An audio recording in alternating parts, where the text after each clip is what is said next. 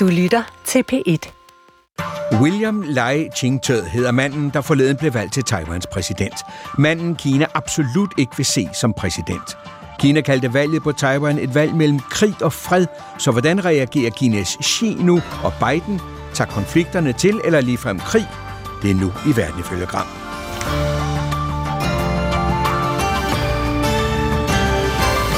在民主和威权之间 vi fortæller det internationale samfund, at i valget mellem demokrati og autoritarisme, så vælger vi demokratiets side.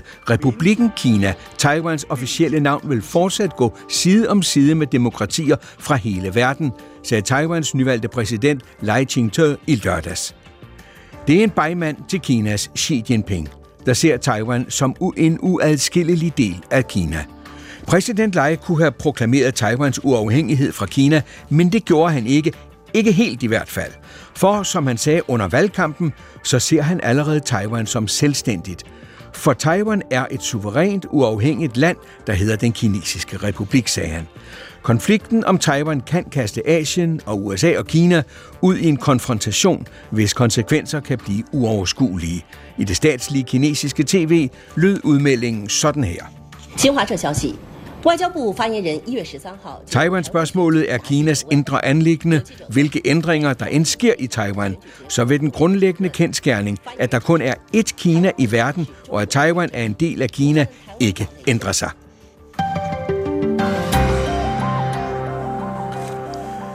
Valget på Taiwan, der ligger 160 km ud fra Kinas kyst, hvor det østkinesiske og det sydkinesiske hav mødes, kan få konsekvenser for hele det globale samfund. Derfor er det vigtigt, også for Europa, for Danmark. Lai Ching-te vandt præsidentvalget, men hans parti mistede flertallet i Taiwans parlament. Han skal nu indgå kompromiser med andre partier. Han kan ikke føre sin egen politik ud i livet, heller ikke over for Kina. Så hvordan vil Xi i Beijing, der fastholder, at Taiwan er en uadskillelig del af Kina, hvordan vil han reagere? Og hvordan vil Biden og den amerikanske kongres reagere? Står det globale samfund over for massive opbrud i den internationale produktion og samhandel, fordi firmaer trækker sig fra Kina af frygt for overreaktioner? Står det internationale samfund over for risikoen for væbnet konflikt, hvis Kina angriber Taiwan? Eller sker der reelt ikke ret meget, fordi de stridende parter vil undgå at skabe international kaos, specielt på et tidspunkt, hvor der allerede er to krige i gang, der kan sende den globale økonomi og stabilitet på rusjetur. Det er verden ifølge Gram. Mit navn er Steffen Gram. Very proud. We choose our own president. Meget stolt, vi vælger vores egen præsident i Taiwan. Vi er et land, vi er et land, vi er et lys i verden. Vi elsker frihed, vi elsker demokrati. Vi kan og skal vælge vores egen nye præsident. Det sagde Xie Jinping, en af Taiwans vælgere efter valget. Men på Taiwan er meningerne altså også delte om forholdet til det kommunistiske Kina inde på fastlandet, som valgets resultat også har vist. En ældre vælger sagde, det er meget trist. Det kan føre til krig. Jeg håber ikke, at vi presser på for at få uafhængighed, fordi det ville føre til krig. Jeg håber, vi kan leve trygt og i fred og ro.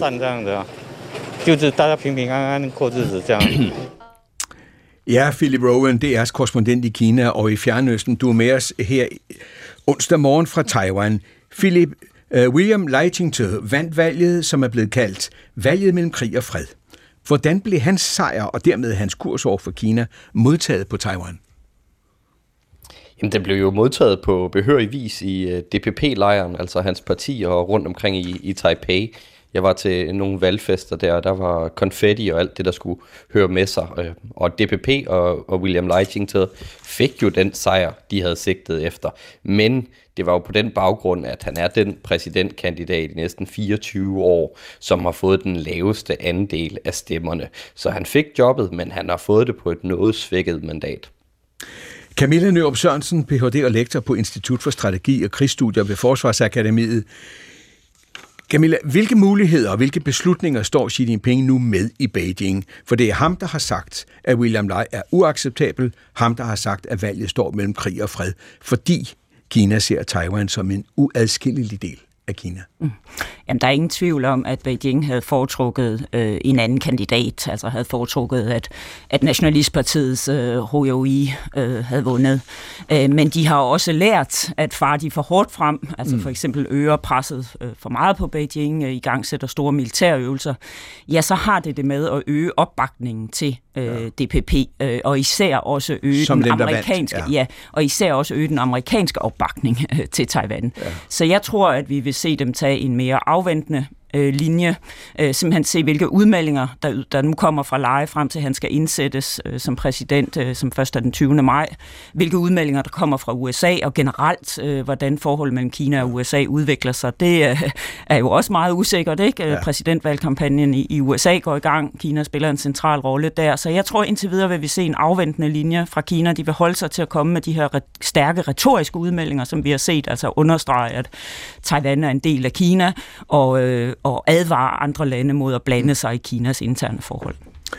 Andreas Bøje Forsby, seniorforsker i udenrigspolitik og diplomati på Dansk Institut for Internationale Studier. Andreas, Biden har sendt en højtstående delegation afsted til Taiwan for at demonstrere USA's støtte til demokratiet. Det ved vi jo altså har det med at skabe konfrontationer med Beijing. Så hvor langt kan USA gå nu, uden at risikere, at konflikten over Taiwan udvikler sig, altså uden at ligefrem eksplodere? Ja, nu kan man sige, det at sende en lykønsningsdelegation afsted til Taiwan øh, med en tidligere national sikkerhedsrådgiver og en tidligere viceudenrigsminister, det ligger sådan set inden for den etablerede praksis, og det var heller ikke, fordi kineserne reagerede voldsomt på den øh, handling.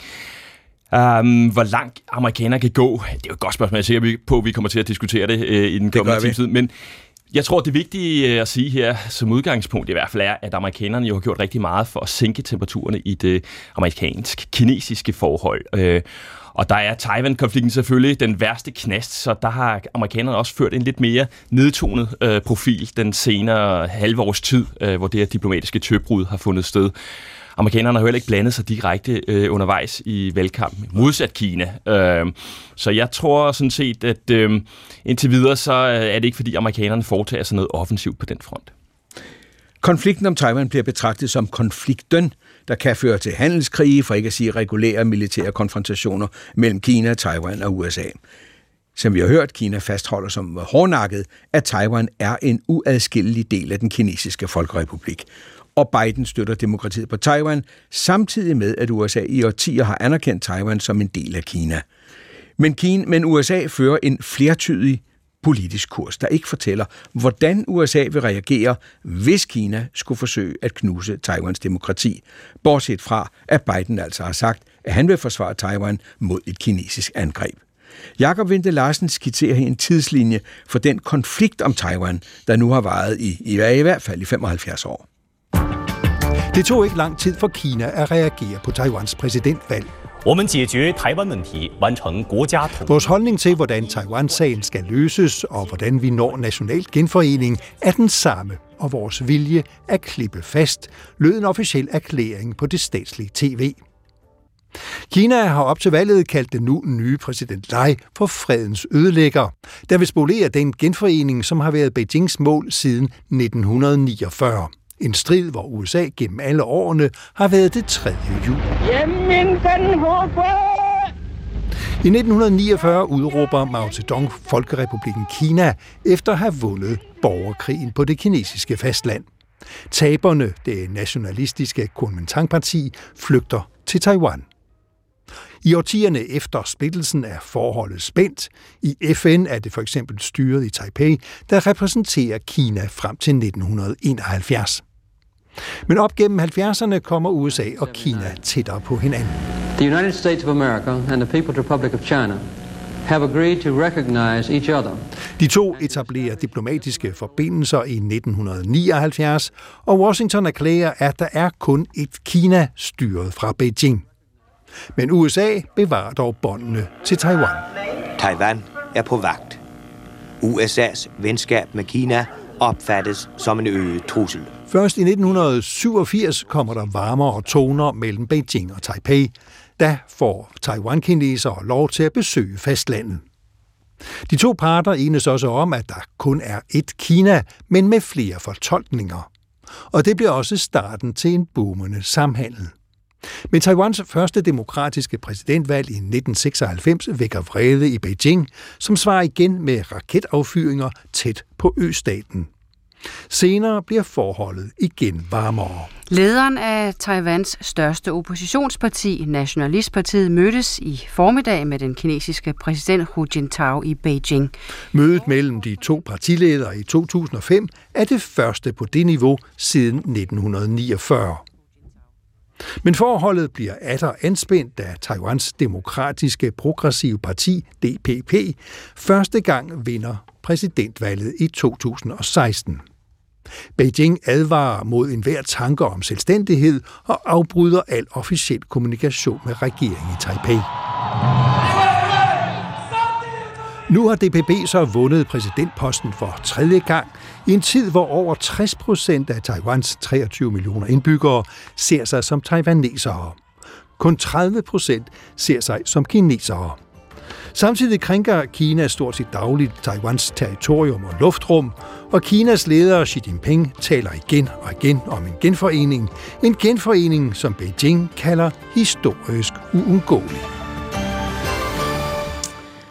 En kort skitse af 75 års politisk balancegang. Først og fremmest for at undgå krig. Men lad os lige få øh, William Lai Ching-te på plads. Ikke en politiker, danskerne normalt kender, men vi er nødt til at vide, hvem han er og hvad han står for, da han er Taiwans nye præsident. Øh, Philip Rowan, hvem er han? Hvor kommer han fra? Ja, men jeg tror, jeg vil lave to små nedslag for at forklare, hvem han er. Og det ene, det er biografisk. Altså, William Leichington er en mand af relativt ydmyg kår. Han er opvokset i lidt syd for Taipei. Han var en, af, han var en del af en søskendeflok på seks. Hans far døde i en kulmine, da han var to år, så voksede han ellers op med, med en enlig mor, altså fem søskende. Og så derefter så blev han øh, en del af det her, den her meritokratiske vækst, der var i Taiwan i de gode år, ikke? hvor man kunne komme ind på universitetet og få en god uddannelse. Han blev læge og så videre og så kom han ind i politik øh, for næsten ja, mere end 20 år siden mm. efterhånden, og kom jo så ind i øh, det, der hed DPP dengang. Og det vil være mit andet nedslag. Ja. Det er, at øh, Lighting er en DPP-mand næsten helt ind til benet. Og hvad er og det? det er på sin ja. vis DPP, det er, øh, altså det er jo det demokratisk progressive parti i Taiwan, og det har jo så gennem nyere historie været oppositionen til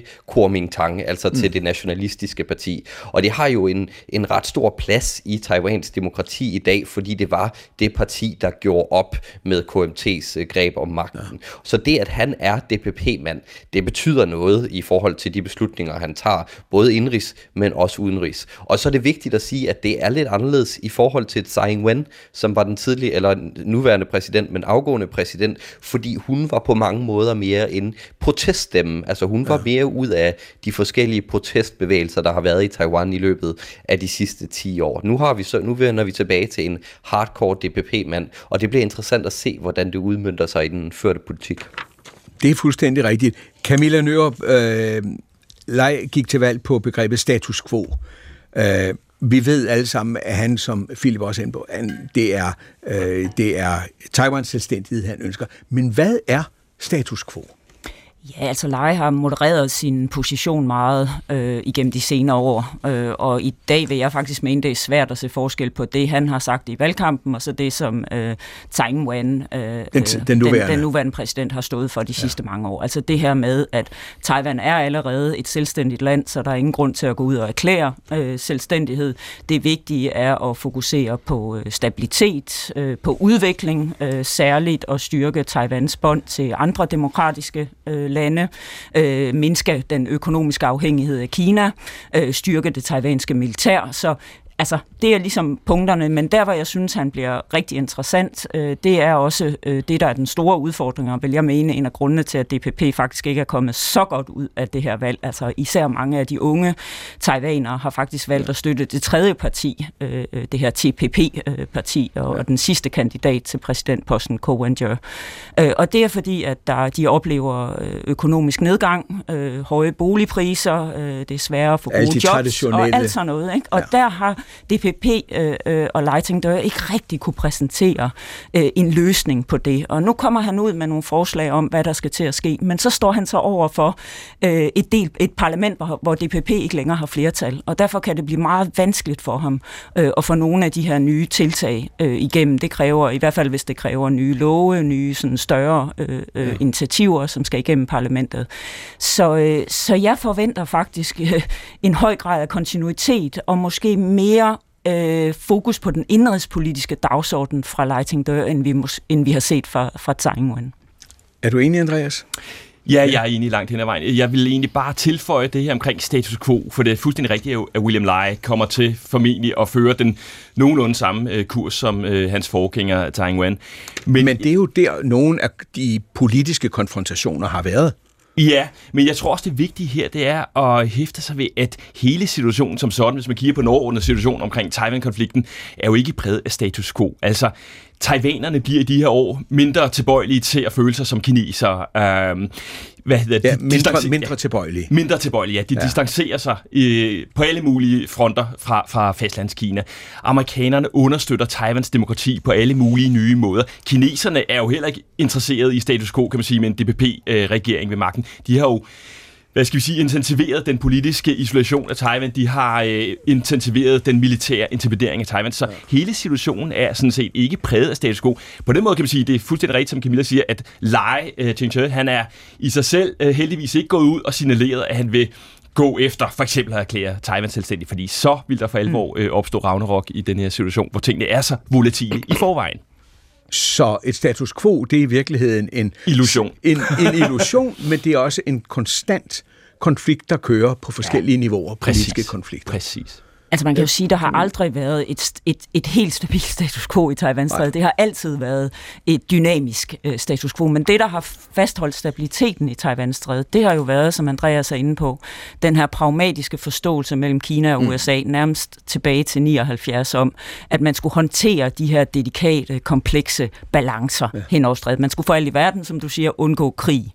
Ja. Øh, så derfor var man enige, og enige om at være uenige, og så skulle man ligesom håndtere den situation. Men det vi jo bare ser i de her år, som Andreas også er inde på, det er, at forholdet mellem Kina og USA, de virkelig forværres. Ikke? Øh, dialogmekanismer og alt sådan noget bryder sammen, ser hinanden som deres primære rival, deres primære ja. udfordrer. Og det gør jo, at den her, det her pragmatiske samarbejde, den pragmatiske forståelse hen over strædet, øh, også øh, ja.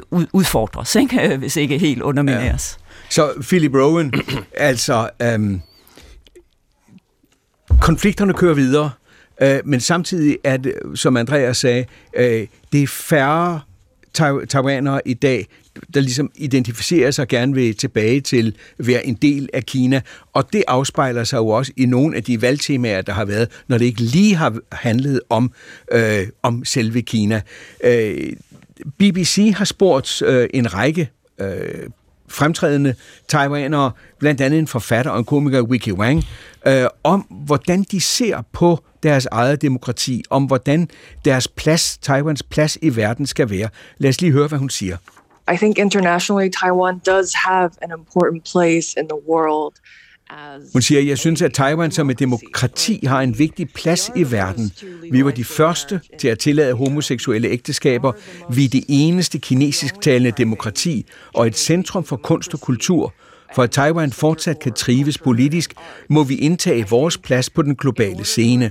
Vi har været så isoleret og udstødt på grund af vores tyranniserende nabo, men jeg synes, at der er meget, som Taiwan kan bidrage med.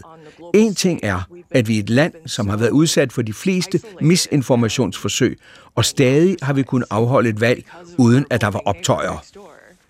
But I think there's a lot Taiwan can bring to the world. At minimum, I can think of one big thing, which is we are arguably the one country with the most disinformation attacks, and we manage to still have a democratic election with no riots. Philip Rowan, det som, uh, som Wang her siger, uh, det fortæller vel også, at kløften mellem befolkningen på Taiwan og det, man gerne vil have på fastlandet, bliver større og større. Det er jo, de bevæger sig i hver deres retning, og derfor vil en forening blive sværere og sværere. Er du der, Philip? Jeg er her helt bestemt, ja. Øhm, og jeg er rigtig glad for at få lige præcis det spørgsmål, fordi øh, ikke nok med, at jeg var så Wiki Wang øh, lave comedy i, øh, i den forgangne uge på en klub i øh, Taipei, øh, så har vi jo også lavet en, øh, en helt øh, horisont-dokumentar ja. om netop det emne i slutningen af sidste år, hvor vi netop slog ned på det her med, hvad betyder det at være taiwaner? Og det er faktisk en af udfordringerne for Lai Ching-te i hans præsidentskab. Mm. Du har rigtig, rigtig mange, især yngre taiwanere, der ser sig selv som taiwanere, og dermed ikke længere kinesere. Og det, at de ser sig selv på den måde, det betyder, at de ikke har det her romantiske, nostalgiske forhold til fastlandet mere, som deres små forældre måske har. Og det betyder, at de vil samtale mindre og handle mindre ved Kina. De ser intet attraktiv i det, på det kinesiske fastland, hverken egentlig økonomisk eller styringsmæssigt, men også kulturelt. Og det betyder rigtig, rigtig meget i den måde, de tænker identitet på. Og så den anden side af det, det er jo fordi, de ser sig som unikt taiwanske, så ser de også sig selv som værende borgere i et land, og det her med, at Taiwan ikke kan få lov til at blive anerkendt af resten af verden som værende et land, det er dybt, dybt frustrerende. Altså, mm det kan godt være, det føles jo som et land, de har deres egen penge, de har deres eget militær, de har deres egen retssystem, regering osv. osv. Så det føles som et land. Så hvorfor skal det være op til Kina at få lov til at diktere, at der er en masse lande i FN, der ikke vil stemme på at give Taiwan den status, som de synes, de fortjener? Det synes de er dybt, dybt urimeligt, og de kan ikke se, hvorfor pokker det er, at Kina skal få lov til at diktere det. Så det pres, fra, den, fra det synspunkt, øh, det kommer fra rigtig, rigtig mange unge mennesker i Taiwan, og det går i sidste ende direkte op mod øh, Lai Ching-te. Og Camilla Nøer, på baggrund af det, som Philip Rowan lige siger, øh, og som man oplever øh, og har oplevet de, mange af de gange, han har været på Taiwan, øh, så må det på et eller andet sæt og vis blive sværere for, og sværere for Xi Jinpings styre i Kina at ville integrere, ville annektere, ville forene Taiwan med en befolkning på over 20 millioner mennesker, som ikke vil. Jamen bestemt, øh, og der er også en, synes jeg, øh, man møder, øh, når man taler med folk i, i Kina, altså kolleger, forskere, hvad vi mødes med, når vi er derude, en, en erkendelse af, at det, man kalder charmeoffensiven øh, mod Taiwan, den, den, har, den har de ikke rigtig lykkedes med, altså det med at prøve at tilbyde øh, gode muligheder for at arbejde, studere osv. på fastlandet, ja. øh, gode, øh, ekstra øh, gode muligheder for at investere sætte, og oprette virksomheder og sådan noget, at det ikke rigtig har, har virket øh, på den måde, Beijing gerne havde set, altså at få øh, befolkningen på Taiwan til at blive mere imødekommende over for en eller anden form for forening øh, øh, i, i fremtiden.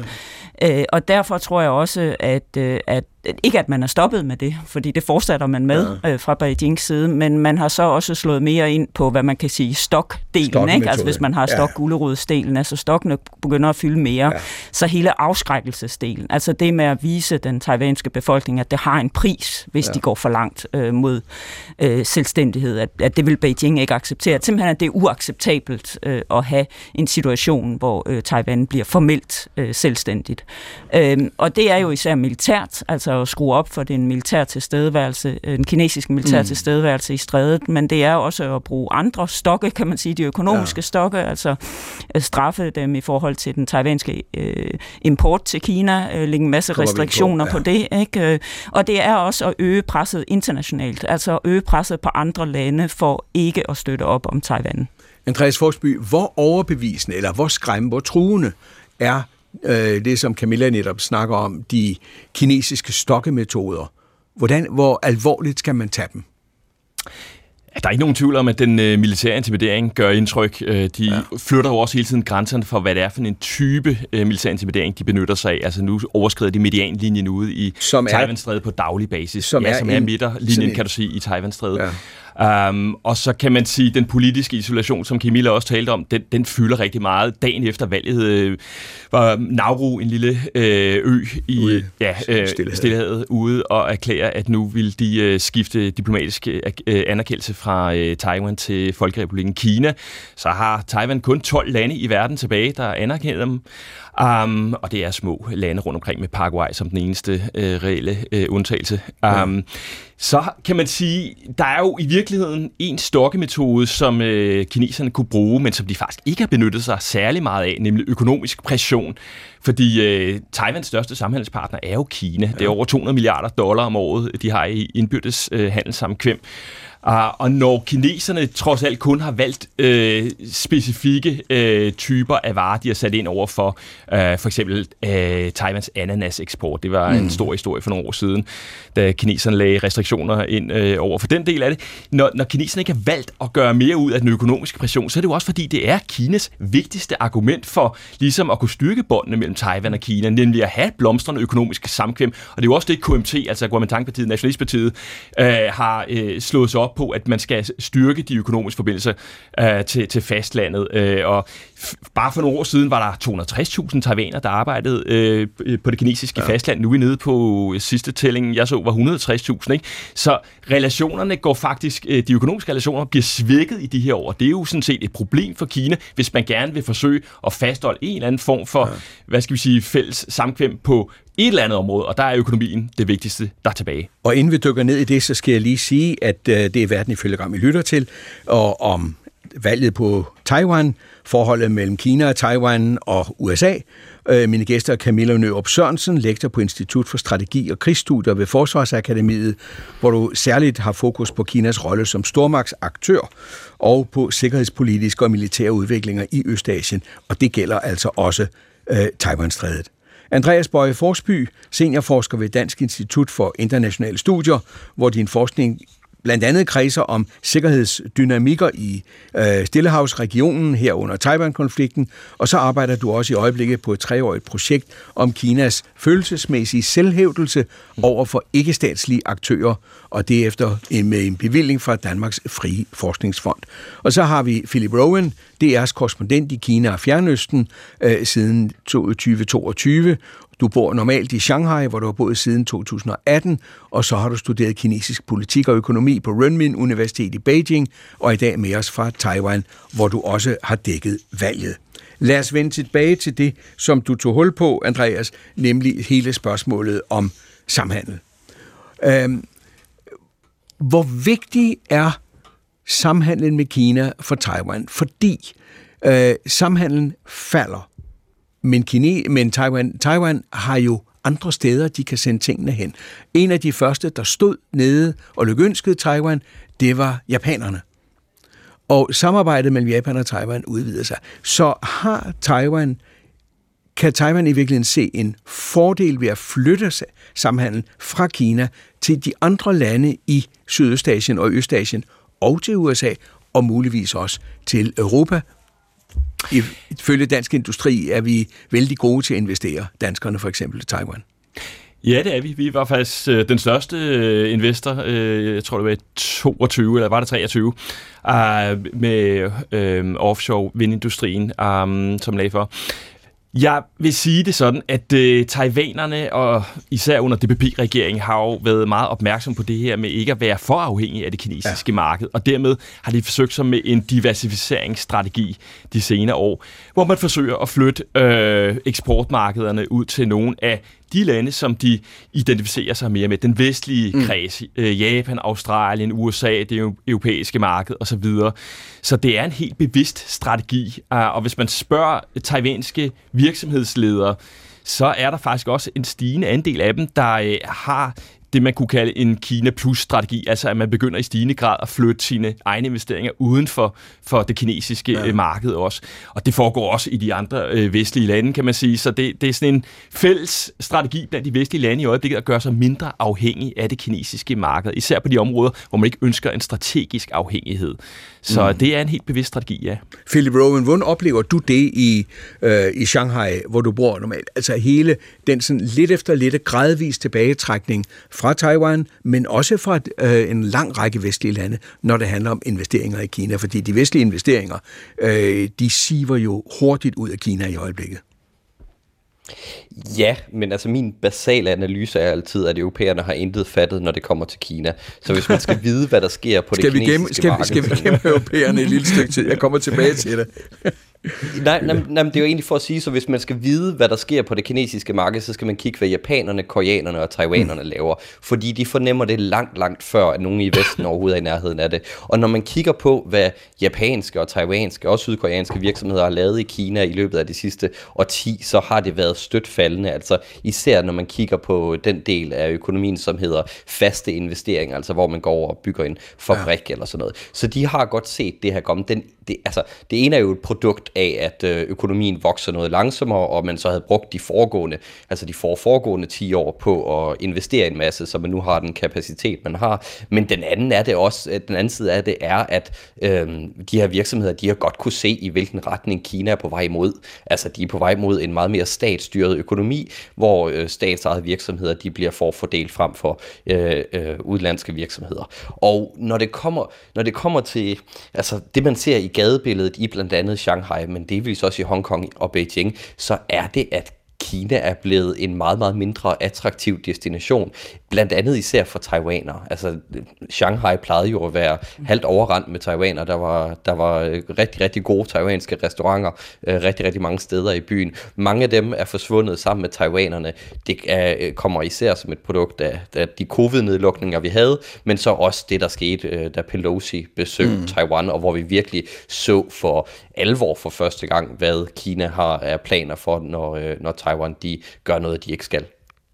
Og så Hongkong, ikke? Altså Hongkong det næste... har haft en meget stor betydning også, tror jeg, for... Øh, Altså, fordi man der har set, og, hvad et land, to systemer egentlig betyder. Ikke? Altså, og når du siger Hongkong, ja, så var det kinesernes måde... Det, at kineserne at, har slået ned, ikke? På øh, nationalsikkerhedslov og alt det her, til virkelig ja. en øh, begrænset øh, det her øh, to systemer delen af et land, to systemer. Ikke? Ja. Der, er ikke, der er ikke meget tilbage af det, kan man sige, i Hongkong. Men det, I alle tre, alle tre sidder og argumenterer for, det er i virkeligheden, at kløften mellem Taiwan og Kina bliver større og større. Ja, det gør den, men, men der er jo bare stadig den geografiske nærhed. Ikke? Altså Taiwan er, hvor de er, det øh, ligger, hvor de ligger, og det kan de ikke oh, rigtig ændre på. men der er en politisk ikke? distance, bestemt, den kan være lige så vigtig bestemt, som den geografiske bestemt, nærhed. Men det er også derfor, jeg var inde på før, at stokkene tager mere over set fra, øh, fra kinesisk side. Ikke? Og det, som vi også startede med at tale om, altså hele den overordnede sådan, sikkerhedspolitiske øh, kontekst i forhold til forholdet mellem USA og Kina. Det bliver mere det, der bliver afgørende for udviklingen øh, hen over eller, mm. øh, i Taiwan-strædet. Ikke? Fordi at kineserne, og det, og det er jeg sikker på, at vi kommer til at diskutere, og det er i hvert fald noget, der bliver diskuteret meget, ikke? Men, men, men mit argument skal være, at kineserne har egentlig tålmodighed nok. Altså, der er ikke ved at være en, en, øh, et, et pres på, på Xi, øh, et pres i Kina for, at nu skal man have realiseret den her endelige genforening. Det vigtige for set fra Beijing, det er at fastholde, at muligheden for genforening forbliver åben. Mm. Øh, så for dem er det meget vigtigt at ligesom få stoppet, hvad de ser som en farlig glidebane, ikke? hvor især USA, men også mange europæiske lande i stigende grad begynder at, at behandle og tale om Taiwan som en selvstændig stat. Det vil de have stoppet. Men de er ikke så bekymrede, og, og det kan vi diskutere, men, men set hvad, hvad jeg sådan læser af analyser, og når jeg taler med kinesiske forskere, så er de ikke så bekymrede over for det her med, at økonomien går den forkerte vej, og, og også at der er flere pro-selvstændighedskræfter, fordi at som de ser det, så er tiden, som de siger, på Kinas side, øh, og realiteterne er bare, at Taiwan er lige der, og USA, og det er jeg sikker på, at vi kommer til, ja. USA vender sig mere nu. ind mod ja. sig selv. Uh, USA ja. vil de reelt komme Taiwan til undsætning, og det Philip, satser ja. man i hvert fald i Kina på, at de ikke vil. Philip? Ja, jeg vil lige tilføje, fordi jeg tilbragt faktisk en tid med de, en, en, en lang aften med en masse taiwanske forretningsmænd i det sydlige Kina tilbage i december, og det var, det var en festlig omgang med, med cigaretter og baijiu og alt det der, og når man får hældt lidt på dem, så begynder de jo at sige, hvad de egentlig mener. Og de er jo dybt kritiske over for den siddende DPP-regering. Altså taiwanske forretningsmænd i Kina er den, altså, den, den største fanskare, man kan finde noget sted i Beijing. Så de var dybt kritiske over for det her, og de stemmer alle sammen KMT, altså de vil ikke have fire år mere til DPP. Men de var så også, og det er måske efter femte glas baijiu, der var de lidt mere inklineret til at sige, at det, der foregår i Beijing lige nu, det er heller ikke særlig godt. Fordi at øh, Xi's økonomiske politik har ramt dem rigtig, rigtig hårdt. Så Beijing er faktisk også ved at miste en af deres største fangrupperinger i form af de her taiwanske forretningsmænd. Altså, vi graver os længere og længere ned i hullet, ikke? på en eller anden led. Ikke? Vi argumenterer hele tiden for, at, øh, at forholdet i virkeligheden bliver mere og mere kompliceret. Vi taler om en samhandel, der falder. Vi taler om frustrerede forretningsfolk, også fra Taiwan, der bliver mere og mere irriteret over politiseringen af øh, det kinesiske produktionsapparat, i og med, at man i dag skal have øh, celler fra partiet, der sidder inde i virksomheden osv. osv. Øh, Andreas Frosby, hvor er USA så hen i det her spil? Ja. Yeah. Vi ved, vi ved at øh, Biden og Xi begge rigtig gerne ville tale med hinanden. Mm. Og det gik der ged i i Bidens første år, men mm. så kom øh, mødet i San Francisco sidste efterår. Der havde været mødet på Bali, Bali også. Ja, ja, Først ja. Bali, og så gik det galt, ja. og så siger de, okay, nu prøver vi en gang til. Hvad er USA's holdning til det, der sker? Hvad er det, Biden forsøger at gøre? Ja, og det er ikke noget helt ukompliceret spørgsmål, kan man roligt sige. Så, tak. Der, så på den ene side, så er der, hvad Biden-administrationen foretager sig alt det, og så på den anden side er der også, hvad kongressen foretager sig. Og kongressen har, for nu lige at starte med dem, ja. været den mest udfarende øh, part øh, i forhold til at støtte op omkring øh, Taiwan de ja. senere år. Fra, lad os sige, 2018. Ja. Har de både, lavet en masse både, demokra- både demokrater og republikanere. Det er lige præcis en tværpolitisk konsensus, ja. der har manifesteret sig, hvor øh, man foretager en række type, en række lovgivningstiltag, som uh, skal støtte op omkring det amerikansk-taiwanske forhold. For eksempel Taiwan Travel Act, hvor man direkte opmuntrer til uh, flere højniveau besøg mellem ja. parterne, som vi jo blandt andet så det i Nancy Pelosi's tilfælde uh, Taiwan uh, Fellowship Act, Taiwan Policy Act, forskellige typer af lovgivning, der skal understøtte Taiwan på en række fronter, og, og, og hvad skal vi sige, styrke forbindelseslinjen mellem de to uh, lande. Så kongressen er uh, den udfarende part. Det var det jo også helt tilbage med Taiwan uh, Relations Act uh, uh, ja. tilbage i 79. Når vi så tager Biden-administrationen, så kan man sige, at den forsøger jo samtidig at balancere sit eget forhold også til Kina, hvor man jo har, som jeg var inde på indledningsvis, forsøgt at, at sænke temperaturen i forhold. Det var blevet for for, øh, hvad skal vi sige, øh, for farligt. Der var for stor risiko for, at tingene eskalerede ud af kontrol ja. med en række nær kollisions øh, øh, episoder, blandt andet i Sydkinesiske hav og Taiwans stræde. Og der vil man gerne forsøge at, at tale med kineserne, få genetableret de øh, militære relationer mellem ja. partnerne, som jo blev øh, skrinlagt efter Nancy Pelosi's besøg til Taiwan.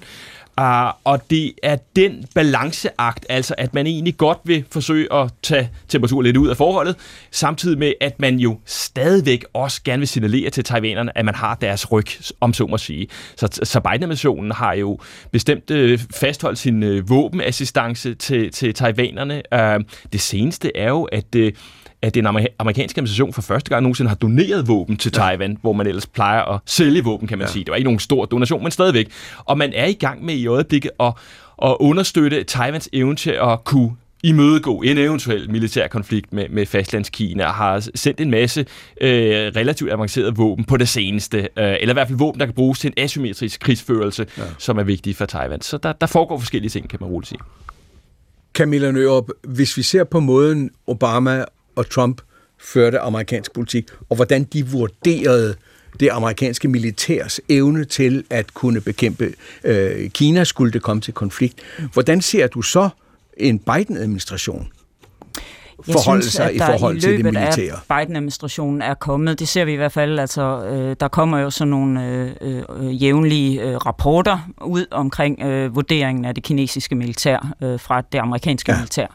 Og der ser man klart udviklingen i dem, at de bliver mere og mere bekymrede ja. over for at skulle håndtere øh, et kinesisk militær i Kinas nærområde. Og det er jo så der, vi må se Taiwan i sådan den større kontekst, ikke? fordi man kan sige, hvor er det, at USA's og Kinas militær står mest direkte over for hinanden? Ja, det er jo øh, i, i det her område ud for den kinesiske kyst, ja. det vi kalder den første økæde.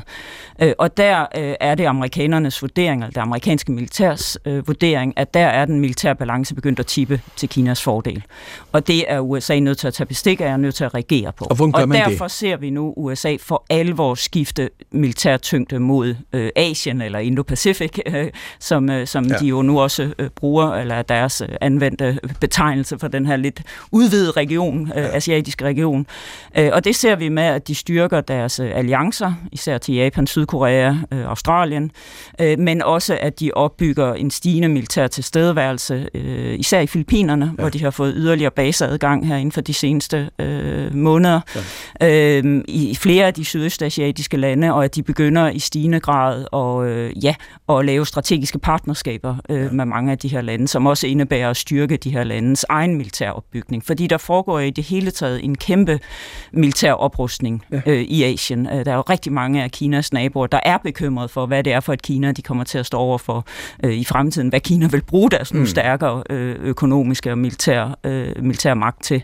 Øh, og, og, og derfor begynder de også selv at, øh, at opruste. Og den går amerikanerne så ind også og støtter op omkring, og så ser vi jo også, at de opbygger forskellige sådan mere trilaterale eller multilaterale tiltag, altså Quad-konstellationen, samarbejde mellem Japan, Indien, Australien og USA, ja. AUKUS-aftalen, som jo er den aftale, der skal føre til, at, øh, at Australien får atom. Øh, ja. Så, så USA foretager sig rigtig meget øh, i, øh, i Asien, og det er kineserne selvfølgelig rigtig bekymrede over, så de prøver at komme med nogle øh, modsvar, øh, men kineserne har jo ikke mange allierede øh, i området, øh, øh, så det de især satser på, det er jo så at bygge deres øh, egen militær. Og der ser vi altså virkelig også, og vi kan jo øh, øh, diskutere, ikke, hvad de reelt kan, men i hvert fald hvis man nøjes med at kigge på hardware-delen, altså kapacitet, ja, ja. Hvad, hvad, hvad er det så, så begynder den kinesiske flåde nu virkelig at kunne, hvis vi bare kigger på, hvad de har, men ikke, den er også afhængig og komme af med et modsvar. Ikke? Ja, og det er så der, det bliver mere øh, tvivlsomt, fordi kan de rent faktisk, hvad kan de rent faktisk, ja. ikke? Øh, og lige nu ser vi i hvert fald øh, i forhold til øh, internt i det kinesiske militær foregår der jo en stor antikorruption, øh, udrensning af nogle af de ja. mest højtstående generaler. Øh, forholdet mellem partiet Xi og, øh, og det kinesiske militær synes også at være under et vist pres, i hvert fald er han ved at konsolidere sig ikke, som ja. øh, den øverste øh, øh øverste befalende, øh, og det har, der åbenbart, det har der åbenbart et behov for, at han sådan virkelig stærkt stiller sig frem og får Hvilket er noget, det for eksempel ud, ikke? japanerne er bange for. Ja, i, øh, ja, altså, men, men man kan sige, det der måske også lidt tegner sig, ikke, det er, at, øh, at jeg tror også, den russiske invasion øh, af Ukraine og de store problemer, som det russiske militær har, har vist sig at have i forhold til øh, øh, krigen i Ukraine, har, har gjort kineserne mere bekymrede over, eller i hvert fald kommunistpartiet, mm. Øh, folkene omkring sige mere bekymrede over, hvad, altså nu har vi postet så mange penge ind i et ja. kinesisk militær over de sidste mange årtier, men hvad kan de rent faktisk, ja. ikke? Og det er den proces, der også er i gang nu, som jeg tror alt andet lige vil ligge en dæmper på den kinesiske lyst til at gå ud og starte mm. noget større øh, militært i Taiwan-strædet. Andreas Forsby, vi har talt om, øh, om hvor det kom fra. Det var det, vi virkelig tog afsæt i, nemlig amerikanerne. Øh, kineserne, Xi Jinping, han har de røde linjer, og den røde linje, det er, at øh, Taiwan er simpelthen, øh, at, at øh, Taiwan er øh, en, øh, en del af Kina. Øh, og så kommer den anden side af sagen. Hvad er USA's røde linjer? USA's røde linjer, ja, det er, altså man kan sige... Amerika- Ved vi det? Ja, altså amerikanerne øh, vil jo ikke have nogen form for øh, militær løsning på det. Altså de siger, at det skal være en fredelig løsning, ikke en fredelig genforening, men en fredelig løsning på konflikten mellem de to parter. Øh, det insisterer amerikanerne på. Ja. Det er deres røde linje i alt det her. Og det er jo også derfor, øh, at øh, man kan sige, en af de væsentlige ting, der er sket under Biden-administrationen, som du også var lidt inde på tidligere, det er jo det her med, at amerikanerne har været ude og fjerne den her strategiske usikkerhed om, om hvorvidt amerikanerne vil intervenere i tilfælde af et øh, kinesisk væbnet ja. angreb. Det har han i hvert fald udtrykt på en måde, så man kan sige, så det kan godt være, at det hvide hus efterfølgende forsøger at træde, træde et par skridt tilbage ja. og sige, at der er ikke noget nyt i den amerikanske linje, men, men hvis man sidder i Beijing, så er man godt klar over, at det her det er en måde at signalere til kineserne på, at amerikanerne er klar i ja. tilfælde af en, en væbnet øh, øh, kinesisk øh, invasion af Taiwan. Philip Rowan, nu har vi talt om amerikanerne, vi har talt om Taiwan, vi har talt om kineserne osv., og så havde du en, en, en interessant replik her for ikke, øh, ikke så længe siden, øh, nemlig at europæerne ikke fatter en dyt af, hvad der foregår øh, i området. Um, Philip, er det fordi, du ikke mener, at Europa og EU har en politik, en kurs over for øh, den konflikt, der ligger og simmer konstant, eller er det fordi, at EU som sådan øh, i virkeligheden ikke står samlet om noget som helst, når det handler om, hvordan vi skal forholde os til Taiwan, hvordan vi skal forholde os til Kina? Jamen, det er jo en, en, lidt en kombination af begge dele. Det jeg, det, jeg mente, da jeg sagde det, det var, at europæerne har det jo med at reagere i stedet for at være proaktive. Og derfor så mener jeg, at det er bedre at kigge til Japan eller Taiwan, fordi de er ret meget mere proaktive. Og de har været proaktive på det her de sidste 10-15 år. Jamen forstå, for, forklar lige, hvad det betyder. Forklar lige, hvad det betyder. Jamen, Jamen, nu taler vi om uh, de-risking, er blevet enormt populært i EU, ikke? Altså, man skal sørge for, at vores uh, europæiske virksomheder ikke lægger for mange æg i den her kinesiske ja. kurv, fordi hvis der sker noget i Taiwan, så kan det jo ende med at betyde en, uh, det, nogle af de samme handelssanktioner på Kina, som vi har set uh, være implementeret på Rusland, ikke? Og den, altså, japanerne gik i gang med at de-riske tilbage i 2010, der så de for, at øh, det dengang handlede det om øh, de her øh, øh, hvad kritiske det, mineraler. sjældne jordarter, ja. som, kritiske mineraler, sjældne jordarter, ikke? Dem gik de allerede dengang i gang med at sige, det dur ikke, at vi får så stor en andel af dem fra Kina. Det bliver vi nødt til at finde en løsning på at komme udenom. Så havde du øh, japanerne, der lancerede øh, Freedom, nej, hvad kaldte de den? De kaldte den øh, Open, free and Open Indo-Pacific. Oh, free, free and Open, tak Andreas, Free and Open Indo-Pacific, ikke? Allerede ja. dengang, som gik ud på det her med, at det skulle være en form for afskrækkelse i regionen, at vores skibe, de skal kunne få lov til at sejle, hvor de vil, og det betyder altså også på vestsiden af Taiwan, og så videre, og så videre. Og nu er man så gået i gang med at lytte øh, på det øh, tilbage i Europa, og jeg hørte Mette Frederiksen stå i øh, Tokyo her for et par måneder siden ja. og sige, at nu går Danmark også ind for et fri og åbent Indo-Pacific. Så det er Ja, vi, vi reagerer bare øh, alt for ofte, alt for sent, og øh, det er måske fordi, at Kina og Taiwan og hele den her region herude er pokkers langt væk, men det ville hjælpe en smule at begynde at lytte lidt mere til, hvad taiwanerne og japanerne siger, når det kommer til Kina, fordi så kunne vi blive fri for hele tiden at blive fanget på hælene. Jamen hvis vi, Philip, bliver fanget på hælene, som du siger, hvad betyder det så for os, og har vi overhovedet noget at, noget at komme med, når det handler om de politiske konflikter, som vi lige har brugt øh, tre kvarter på at tale om? altså, hvis jeg sad i Beijing, så ville jeg jo sige, you and what army? Altså, hvad, hvad skal den europæiske union øh, forsøge at gøre i, øh, i området herude, altså uden et samlet militær? Og det er jo i sidste ende det, Kina forstår. Ja, der er en del soft power, øh, mm. økonomisk magt, mm. man kan bruge over for Kina, altså især via Tyskland, når man kigger på de investeringer, der måske, måske ikke falder i Kina. Det er noget, man reagerer på i Beijing, og det er også derfor, vi ser, at det europæiske forhold til Kina trods alt er bedre end for eksempel det japanske og det amerikanske. Ja. Det er fordi, vi har så stor en industrisektor, der opererer herude. Så ja, altså man har ikke den der militære magt til at sige, nu sejler vi op og ned af Taiwan-strædet og siger, at I skal holde jer væk herfra. Men det man så har fra EU's side, det er jo, at man har en, øh, en økonomi, som stadigvæk er ret interesseret og på den anden side afhængig af Kina, som man kan bruge til sin fordel over for, over for Beijing. Andreas? Ja. ja, altså jeg synes også, det er vigtigt at sige, at europæerne, ud over øh, den bløde magt, som de øh, udøver, og Europa, EU-parlamentet har i den grad øh, sat sig selv i scenen, øh, sendt delegationer afsted, øh, officielle delegationer, og lavet resolutioner, der støtter op omkring Taiwan osv. Men de er også, europæerne er også den største investor i Taiwan. Og der er også det at sige til det, at hvis øh, europæerne gør det klart for Kina, at enhver militær løsning på den her problematik øh, er fuldstændig uacceptabel fra europæisk side, så vil det også få kineserne til at tænke sig rigtig godt om, fordi kineserne kan ikke også have råd til at, at miste øh, europæerne, når de allerede har mistet amerikanerne, altså forstå mig ret, som en strategisk partner på den lange bane. Uh, så, så europæerne har sådan set nogle kortbånd. Jeg synes i det hele taget, at det var interessant, at de, øh, de europæiske lande var ude med lykønsning af flere af dem uh, i forbindelse med, med præsidentvalget, og markerede sig lidt tydeligere, end de gjorde for fire og otte år siden. Mm. Så det er også udtryk for, at fordi forholdet mellem Europa og Kina er blevet betydeligt dårligere de sidste 5-6 år, så har europæerne også fået øjnene op for, at man skal styrke båndene samtidig til, til Taiwan. På den måde er der en eller anden form for parallelitet i det, der foregår, øh, hvor Taiwan så kommer mere ind i varmen. Men der er helt klart også nogle røde linjer, som europæerne er meget opmærksom på. Og så skal man huske på det her med, at europæerne jo absolut aldrig, når det kommer til udenrigspolitikken, står særlig samlet. Macron, der var ude og sige, efter han havde været en tur i Beijing, at nu skulle vi passe på ikke at blive trukket ind i andres konflikter øh, øh, med, med henvisning til Taiwan-konflikten. Øh, men der må man sige, der var responsen fra det meste af det øvrige Europa, at øh, det her det er også en vigtig øh, konflikt for, for øh, set fra et ja. europæisk perspektiv. Camilla Nørup. Ja, jeg tror, det er meget vigtigt at tage sådan de lidt større øh, briller på. Det er især de, bemærket de, de, til... Tiden. Ja, det er især bemærket. Ja, både tiden, ikke? Altså, ja. de har de lange briller på, kineserne, men også sådan den, den mere den globale, altså de, de store ændringer, der er i gang i det internationale system. Det er især bemærket i, i kinesernes øh, reaktioner efter valget. Det var, at de var ude at sige det her med, at et Kina er der international konsensus om. Mm. Øh, og, og, og der kan vi jo godt have rigtig meget fokus, som vi lige har haft på, hvad siger Europa og hvad siger USA, men hvad siger resten af verden? Ikke? Ja. Og det er egentlig der, øh, Kinas fokus er. Det er at sikre sig, øh, og der har de virkelig indledt en stor kampagne. De havde et, et meget vigtigt møde øh, lige inden jul øh, i Beijing, hvor Xi kaldte alle ambassadørerne og alle højtstående diplomater ind, ikke? og ligesom øh, lå linjen for, hvad skal være kinesisk udenrigs- og sikkerhedspolitik øh, de næste, øh, nogen mener op til 5-10 år, var ligesom de guidelines, øh, han lå ud.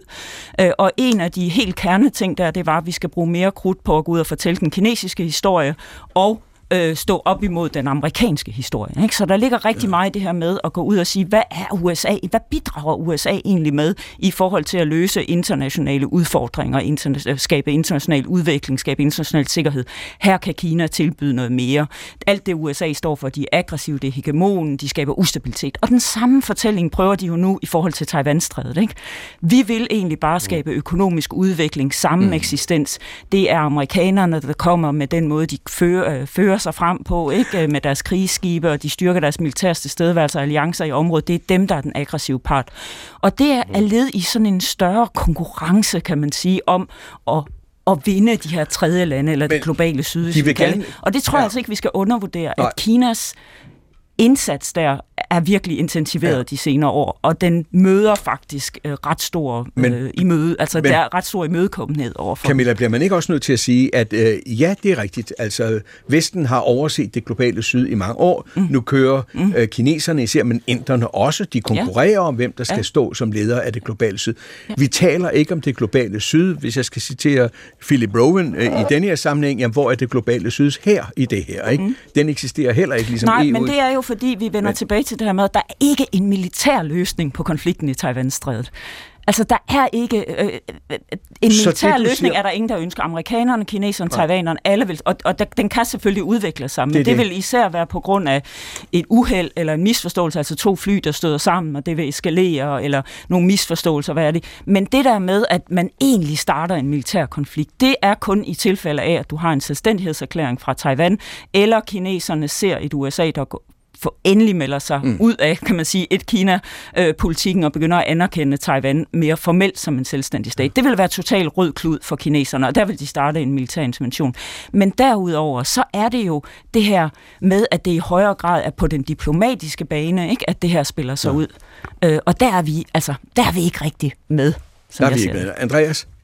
Ja, jeg vil bare tilføje, at, øh, at jeg er fuldstændig enig i det, Camilla siger, men man kan også forestille sig, at der opstår den type scenarie, hvor kineserne siger, nu indfører vi en form for karantænezone, et, inspektionsregime i Taiwanstrædet, hvor vi går ind og, og inspicerer taiwanske øh, skibe. Mm. Øh, eller det kan også være, at man på et eller andet tidspunkt føler, at nu går situationen så meget den forkerte vej, at man måske ligefrem lægger en eller anden form for blokade, strangulerer Taiwans mulighed for at agere de facto selvstændigt, hvis man siger det på den ja. måde. Og det kan så eskalere.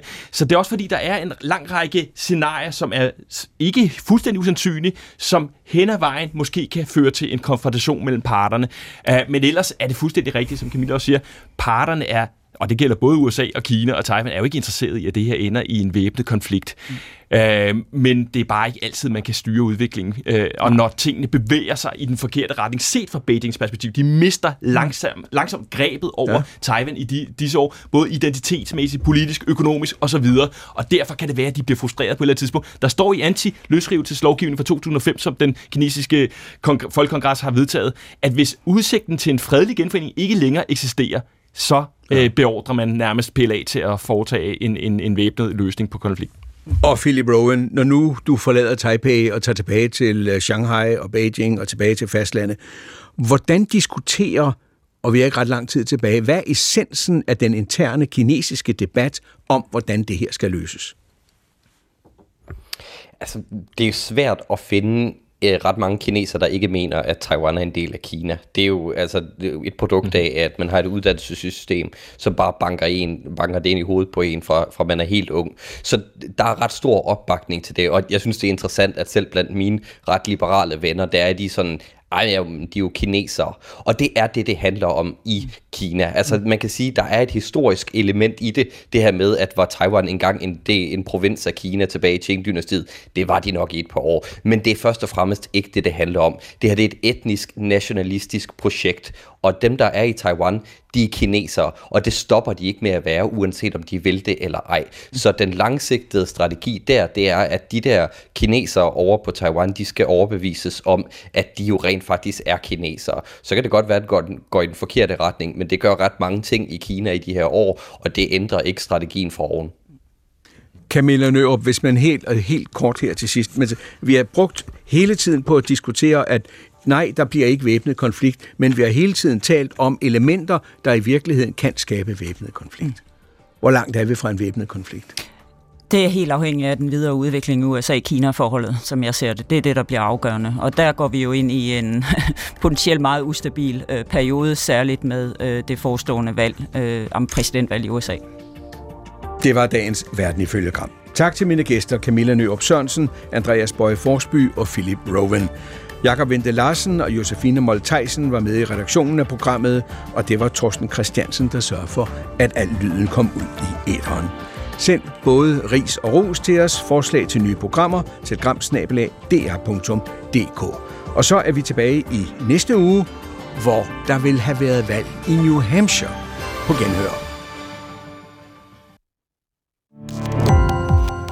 Gå på opdagelse i alle DR's podcast og radioprogrammer. I appen DR Lyd.